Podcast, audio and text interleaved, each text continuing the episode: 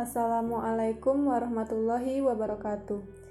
Sahabat Muslimah Jambi, senang sekali saya Atika Marsalia kembali hadir menemani ruang dengar Anda dalam program Dialog Muslimah Jambi. Untuk edisi kali ini, Dialog Muslimah Jambi mengangkat tema remaja milenial, remaja pejuang. Nah, ya, materinya nanti akan dipaparkan oleh narasumber kita yakni Ustazah Rahmah. Uh, kita sapa dulu beliau. Assalamualaikum Ustazah. Waalaikumsalam warahmatullahi wabarakatuh. Bagaimana kabarnya Ustazah? Alhamdulillah luar biasa sehat. Alhamdulillah. Nah, sahabat muslimah Jambi, uh, beliau ini merupakan uh, anggota dari Forum Muslimah Jambi Peduli Generasi ya.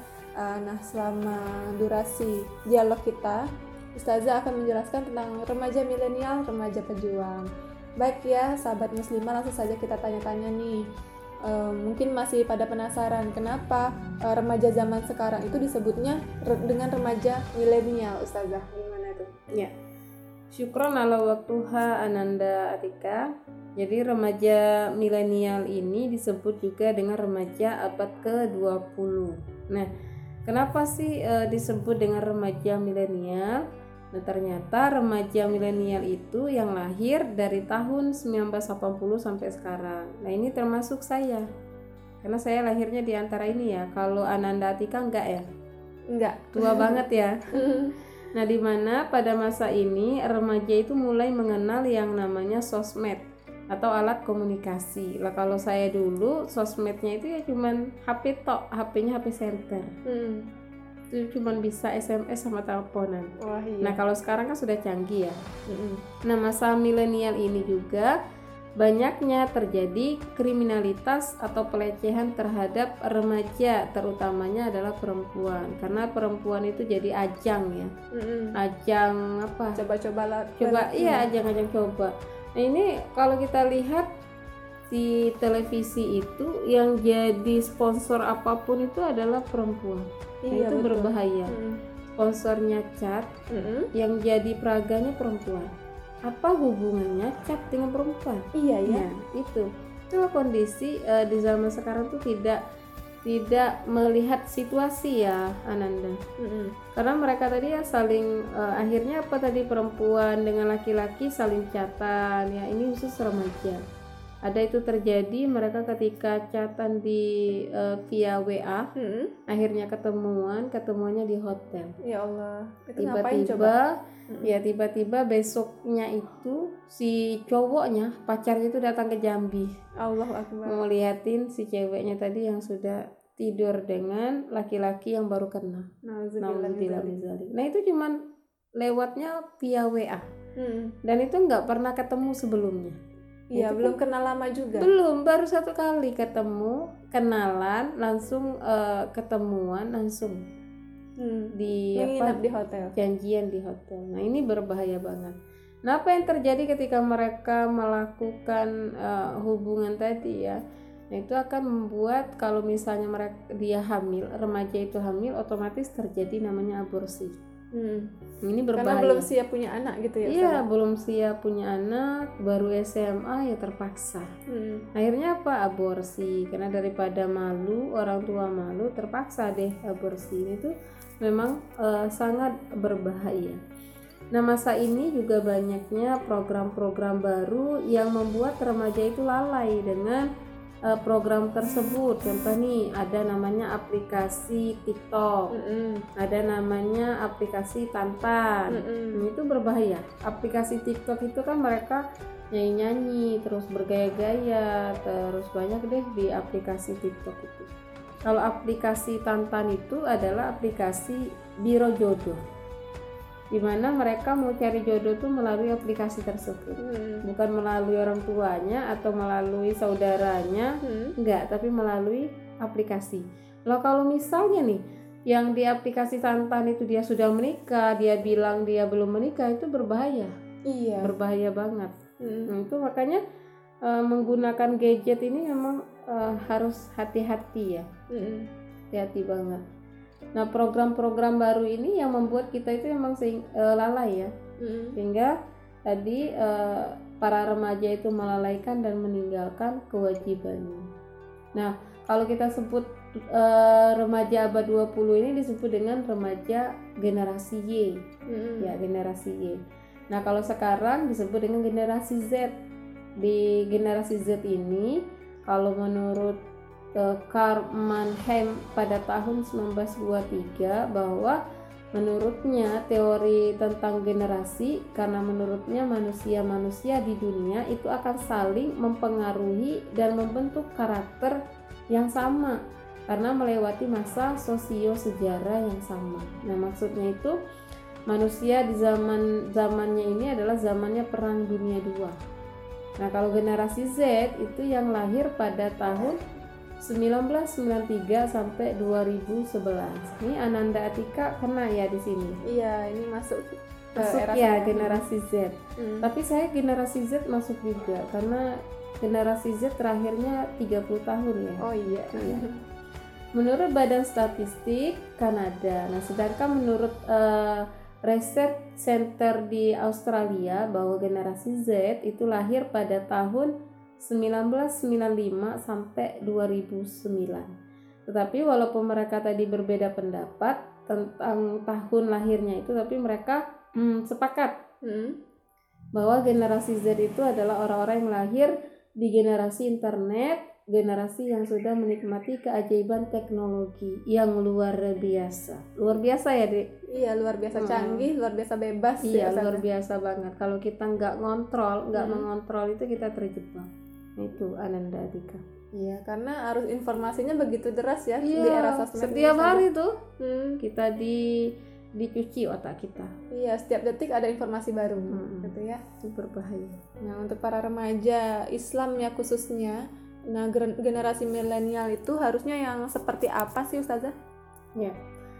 Kalau generasi milenial itu seharusnya generasi yang memang memang harus jadi contoh sebenarnya. Cuman ya karena kondisi sekarang ini malahan menjadi bahan perbincangan. Hmm. Baik itu di sosmed, media cetak ataupun di lingkungan itu menjadi perbincangan. Kenapa? Kok bisa jadi perbincangan? Pertama adalah dari sisi pendidikan ekonomi, sosial, budaya dan uh, sebagainya. Hmm. Nah, kalau kita lihat bagaimana dari sisi pendidikannya itu anak SD sampai anak SMA itu sekarang uh, tidak asing lagi dengan namanya gadget. Betul. Jangankan anak SD, anak TK aja itu sudah paham nih namanya gadget. Hmm. Orang tuanya kudu tahu nih, nggak boleh gaptek. Iya. Malahan kalau orang tuanya mau buka HP, mau cari WA itu minta tunjukin sama ini anak yang TK. Nah, anak ini gimana nak bukanya? Ya karena mamanya ini gaptek. Mm -mm. Gak paham masalah itu. Nah, ini juga sebenarnya berbahaya bagi mereka karena tadi ya anak-anak yang baru usianya masih 4 5 tahun itu kan diibaratkan CD kosong. Hmm. Kalau CD kosong itu di Anan, uh, Anandatika paham nggak sih kalau CD kosong kalau dimasuki virus-virus itu berbahaya nggak? iya jadi dong. rusak betul CD-nya jadi rusak hmm. maka anak-anak kalau sudah dipahamkan dengan gadget sudah non mainannya nonton YouTube kalau kalau dulunya mungkin Ananda diceritain ya kalau tidur itu diceritain dongeng lah kalau sekarang bukan diceritain dongeng tapi dilihat di film YouTube ya hmm. YouTube-nya film apa SpongeBob, mm -mm. Tayu, iya. di situ apalagi ya Nanda banyak ya, iya Doraemon dan lain uh, sebagainya masih banyak lagi. Nah ada juga uh, sekarang baru-baru ada itu anak SMK yang buliin gurunya di kelas ketika gurunya mau ngajar dia buliin gurunya itu nggak wajar banget ya iya nggak sopan lah nggak sopan banget ini itu memang membuat uh, moral akhlak moral dan akhlak remaja itu turun rendah karena tadi akibat dari gadget. Hmm. Nah kalau saya dulu waktu sekolah SD memang kami itu nakal, tapi nakalnya nggak pernah ngelawan guru ya. Hmm. Nakalnya di zaman kami itu walaupun nakal ya palingan ya cuma sekedar itu ribut di kelas, hmm. ribut hmm. satu kelas nyanyi gendang-gendang apa. Hmm. Habis itu nggak tahu orang tuanya lah. Kalau sekarang kalau anaknya nakal dimarahin sama gurunya langsung deh lapornya polisi hmm. bukan lapor mamanya tapi lapornya polisi lalu bagaimana dari sisi ekonominya nah ekonominya itu sebenarnya lebih mudah untuk mencari finansial tapi kalau yang bisa memanfaatkan gadget. Tapi Hmm. kalau yang tidak bisa memanfaatkannya itu juga berbahaya, akan terpengaruh dengan virus ya. Mm. Nah juga eh, membuat karya-karya yang kreatif yang itu bisa mendatangkan uang. Contohnya nih, kalau di apa gadget itu di WA atau Facebook itu kan banyak ya. Kalau kita buka Facebook itu paling banyak orang jualan. betul Bermacam-macam itu jualannya, ada baju, ada Hmm. kerudung. Makanan. Iya, banyak makanan. Luar biasa sampai ada yang bilang itu ini Facebook penuh penuh dengan jualan, bukan penuh dengan ilmu. Nah begitu kalau kita bisa menggunakan gadget sebaik mungkin. Tapi kalau kita nggak bisa menggunakan gadget itu maka kita terpengaruh dan itu pun tidak tidak apa tidak bisa kita ngontrol kalau kita nggak bisa me- memanajemen gadget. Nah begitu Ananda Atika. Iya, berarti ada dampak positif dan negatifnya ya. Nggak Iya. melulu negatif ya Ustazah. Mm-mm, benar kalau dampak dampak negatifnya itu berbahaya bagi kita tapi Hmm. kalau dampak positifnya bisa mencari uang kayak anak sekolah itu bisa dia cari tugas untuk ngerjain tugas itu lebih dimudahkan kalau dulu kan sibuk kalau kita kan kalau zaman zamannya saya itu sibuk cari buku Hmm, Nah, kalau sekarang- ya. iya ke perpustakaan dulu kalau sekarang kan enggak yang penting ada kuota ya kalau Mm. ada kuota itu gampang untuk mencari tugasnya itu jadi jangan sampai eh, di zamannya milenial ini kita salah gunakan gadget Mm-mm.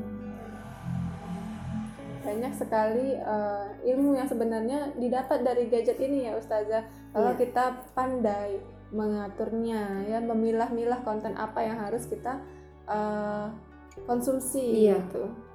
Benar sekali Dan ini berimbas juga pada eh, akhlak generasi ya Ustazah. iya kalau akhlak dan kalau- moral itu berpengaruh Iya, kalau salah itu kan bisa fatal sekali Mm-mm. seperti tadi ada murid yang membuli gurunya, iya banyak Anak, sekali. Heeh. anak melawan orang tua gitu ya.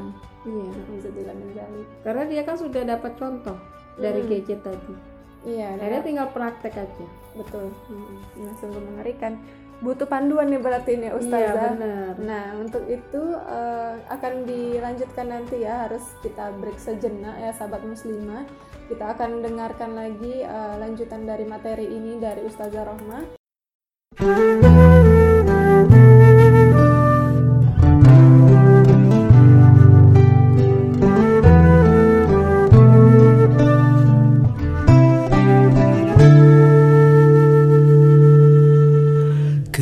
Ketika negeri diliputi kelam karena meraja kezaliman,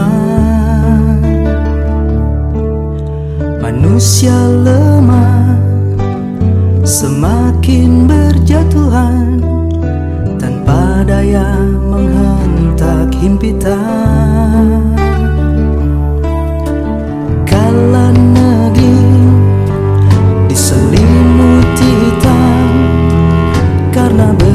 berkuasa kemaksiatan.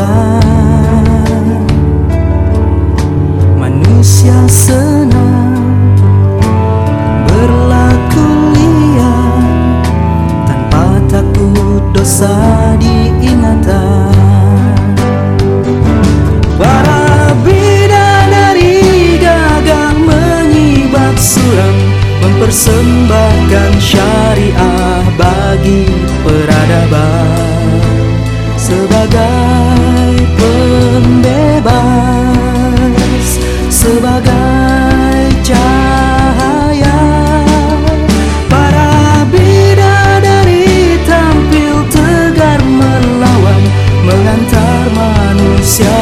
kembali ke kemuliaan.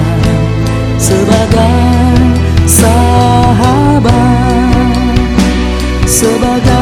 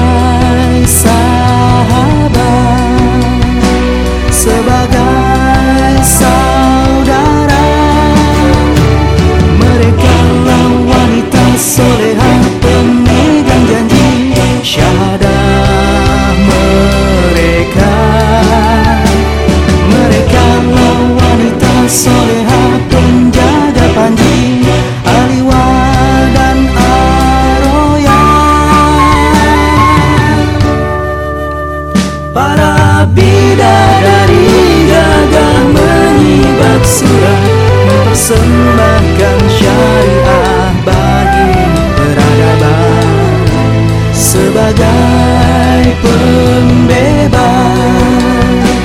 Sebagai cahaya. Para bidadari tampil tegar melawan Mengantar manusia kembali ke kemuliaan. Sebagai sahabat Sebagai saudara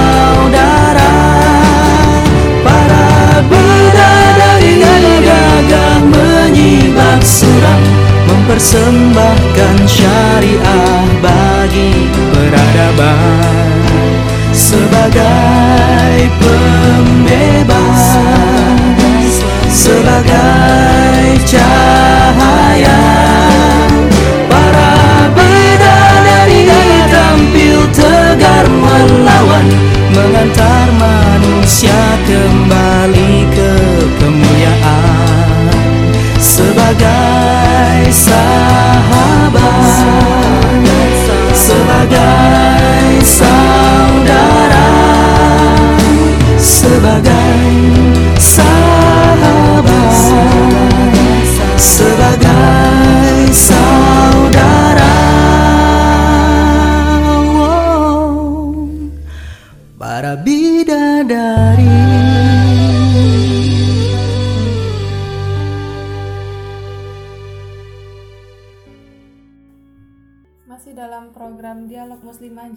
bersama saya Atika Marsalia dan tentunya masih ditemani oleh Ustazah Rohmah.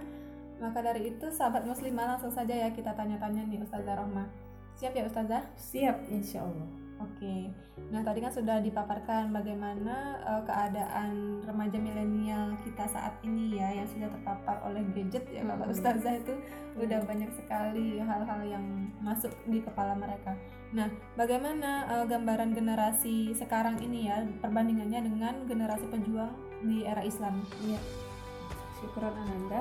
Jadi eh, umat Islam abad ke-20 ini memang banyak yang rusak ya dari tadi ya Dek. Terutama remajanya banyak remaja muslim terjebak dengan dalam pergaulan ya. Dalam pergaulannya yaitu baik eh, seks bebas, terus pacaran, kenakalan remaja dan lain sebagainya. Nah, kalau kalau kita lihat bagaimana seks bebas pergaulan itu pergaulannya pergaulan bebas katanya itu HAM ya hak asasi manusia mereka mau berekspresi apa pun itu kenapa kok urus urusin urusan or- orang ya? katanya Hmm. ngurusin orang. Urusin aja lu. Terus eh, ada fakta juga di kelas anak-anak SMA itu kan di kelas ada yang pacaran. Hmm. dan itu ada beberapa temannya yang menasehati malah temannya yang dimusuhi. Itu kan berbahaya. Iya. masa di kelas sambil belajar itu mereka pacaran berdua-duaan pegang tangan Emang Itu- gurunya nggak lihat ya? enggak gurunya ke fokus ya Masya fokus Allah. ngajar itu kan berbahaya karena tadi ya akibat mereka pacaran uh, seks bebas akhirnya kan akhirnya apa aborsi karena terpaksa aborsi masih remaja kan Hmm. mau sekolah tapi kok punya anak nggak Iya. siap ya betul kalau dibilang nggak siap ngapain lakuin Iya. ya kalau nggak siap ya nggak usah dilakuin ya Hmm. nah itulah faktor eh, bagaimana ketika eh, peraturan Islam tidak diterapkan dan akhirnya banyak akibatnya itu banyak eh, pemberitaan ada siswi yang nekat aborsi karena pacaran tadi lalu ada incest kakak kandung sendiri memperkosa adik kandungnya Hmm. lalu berusia dua dua setengah tahun ya sampai anak- lahir ya anak. Iya, anaknya lalu sekarang hamil lagi lima bulan itu diperkosa oleh ayah kandungnya sendiri. Ini itu kan luar biasa. Hmm. Terus eh, narkoba di kota Jambi itu ranking berapa sih? Narkoba ranking ada ranking tiga ya, luar biasa. Tiga narkoba aja rankingnya tiga. Hmm. Lalu minuman keras, komar itu sudah biasa. Nah, di sini juga kita lihat bagaimana generasi itu dengan mereka tidak memahami Islam, akhirnya mereka eh, terkena virus-virus berbahaya tadi, Ananda. Akhirnya apa? Generasi yang seharusnya mereka itu mem- eh, generasi itu kan termasuk agen of change ya Hmm. ketika mereka sudah melakukan aborsi, tawuran, pacaran, minuman, Geng terus motor. narkoba, geng motor Anak itu luar biasa. Kenakalan ya. remaja itu luar biasa ya kalau kita kalau kita paparkan kenakalan remaja itu nggak kebayang ini sudah penuh banget gitu ya. Nah ini memang e, berbahaya ketika kalau kita biarkan bertambah parah itu virusnya. Nah kalau kita bandingkan dengan generasi Islam itu luar biasa jauh berbeda Ananda. Kalau sekarang kan udah bobrok itu ya generasinya. Hmm. Kalau dalam Islam itu luar biasa, luar biasanya apa? Kecerdasan mereka, solehnya mereka, soleh dan solehan mereka, ketaatan mereka kepada Allah juga luar biasa. Nah, generasi sekarang itu kan banyak remaja yang begitu eh, hebat dalam lembaran-lembaran sejarah mereka hebat. Kalau sekarang kan hebatnya dalam matematika, terus fisika, kimia, lomba apa lagi? bahasa Inggris bahasa Inggris itu yang dilombakan tapi kalau dalam Islam malahan mereka itu berprestasinya hafal Al-Quran ada yang tahu nggak eh, yang yang namanya Imam Syafi'i mungkin eh, teman-teman remaja ada yang dengar nih Imam itu Iya. siapa ya? Kan udah terkenal banget ya. Iya termasuk namanya itu dia termasuk eh, empat mazhab itu ya. Hmm. imam yang empat mazhab? Beliau itu adalah seorang ulama yang begitu luar biasa karena beliau berusia umur 7 tahun itu beliau sudah bisa menghafal Al-Quran. Masya Allah. Lah Ananda sekarang ini usia 7 tahun ngapain? main HP Main game online HP, ya. manja-manjaan ya terus main main apa lagi ya? main-main itu sama temannya nggak fokus dengan ibadah. Hmm. mungkin masih banyak uh, umur yang tujuh tahun itu nggak dekat sama Allah. Sholat aja enggak jangankan umur tujuh tahun anak SMA aja itu banyak yang nggak sholat. Nah berarti kan jauh ya Ananda perbandingan antara remaja sekarang dengan remaja era Islam. era Islam. Lalu beliau juga di usia 10 tahun uh, dapat menghafalkan kitab namanya itu Al-Muwatta. Al-Muwatta itu adalah karya Balik bin Anas. Luar biasa umur 10 tahun sudah hafal. Lah kalau zaman sekarang? Kita aja belum ya luar biasa. Hmm. luar biasa kecerdasan eh, Imam Syafi'i. Tidak cukup tidak tidak satu itu tapi ada lagi eh, Ibnu Taimiyah. Ini juga termasuk terkenal ya Ibnu Taimiyah itu adalah dia di usia 18 tahun beliau sudah mengeluarkan fatwa. Nah sekarang yang mengeluarkan fatwa itu MUI udah tua-tua ya? Iya kita pun belum bisa ya? Hmm. Nah itu kecerdasan beliau luar biasa. Baru umur 18 tahun aja sudah membuat patung Lalu ada lagi nih Usama bin Zaid juga hebat. Ia adalah pemuda tangguh serta senang berjihad di jalan Allah di usia 15 tahun lah Ananda Atika tahu nggak? 15 tahun itu sekarang pada ngapain ya? 15 tahun nongkrong-nongkrong ya? Iya nongkrong pacaran galauan ya. Mm-mm. banyaknya galau sih anak-anak sekarang. Umur umur 15 tahun kan masih eh, puber ya? Iya. Masa-masa masa puber. transisi. Hmm, hmm, luar biasa mereka cari tahunya itu ya kalau yang cewek mau cari pacar kalau lagi jomblo itu seakan-akan jomblo itu jelek ya. Seakan-akan jomblo itu dapat kutukan. Iya. Padahal kan jomblo nggak kutukan. Hmm. Masya Allah ya. Terus uh, beliau juga ikut berjihad di perang Honda perang loh dek mainannya ya. Kalau sekarang bukan perang ya. Mau melawan di sosmed aja mereka nggak berani. Mm. apalagi sudah perang untuk berjihad. Masya Allah luar biasa. Lalu bagaimana dengan Muhammad Al-Fatih? Ananda kenal nggak Muhammad Al-Fatih ini siapa? Kenal dong sang Iya. penakluk Konstantinopel Wah luar biasa ya Mm. berusia 21 tahun sudah menaklukkan kota Konstantinopel pada tahun 1453. Masya Allah. Ada hadisnya itu, hadis Rasulullah bahwa sungguh Konstantinopel itu akan ditaklukkan oleh kalian, maka sebaik-baik pemimpin adalah pemimpin dan sebaik-baik pasukan adalah pasukan yang menaklukkannya. Hadis dari riwayat Ahmad. Luar biasa deh umur 21 tahun dia sudah bisa menaklukkan kota Konstantinopel dan dia juga seorang khalifah ya, pemimpin juga luar biasa. Lalu ada lagi sahabia, sahabia itu Aisyah.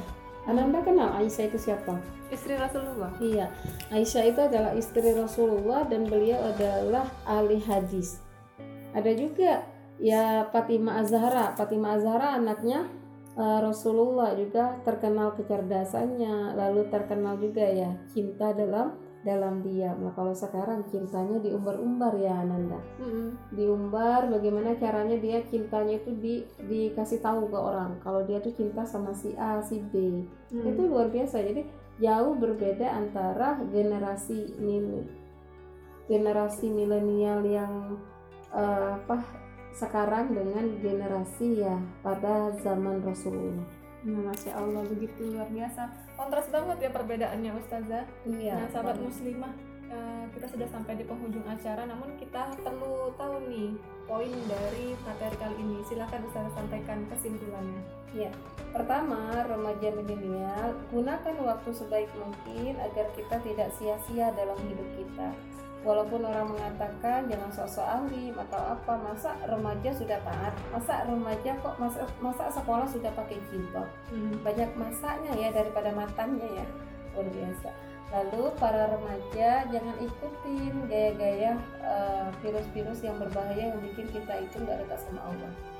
Terus dekatkan diri kepada Allah takarub Allah jangan jangan ditinggalkan sholatnya puasa sunnahnya sholat lainnya terus jangan lupa juga mengkaji Islam karena dengan mengkaji Islam kita akan menjadi cerdas Masya Allah, itu ya tips dari Ustazah Rahma untuk eh, generasi milenial. Nah, sahabat muslimah, eh, udah waktunya udah habis ya Ustazah. Padahal Nggak masih banyak terasa ya Iya, masih banyak pertanyaan yang ingin saya sampaikan. Nah, tentunya sahabat muslimah juga pasti masih pada penasaran. Untuk itu yuk ngaji gitu ya, supaya kita lebih paham tentang iya agama kita yakni Islam. Jazakillah khair Ustazah. nah wa iyaki Ya sahabat muslimah terima kasih sudah stay tune mendengarkan uh, dialog muslimah Jambi. Saya Atika Marsalia selaku host uh, pamit undur diri. Mohon maaf apabila ada kesalahan. Wassalamualaikum warahmatullahi wabarakatuh. Waalaikumsalam warahmatullahi wabarakatuh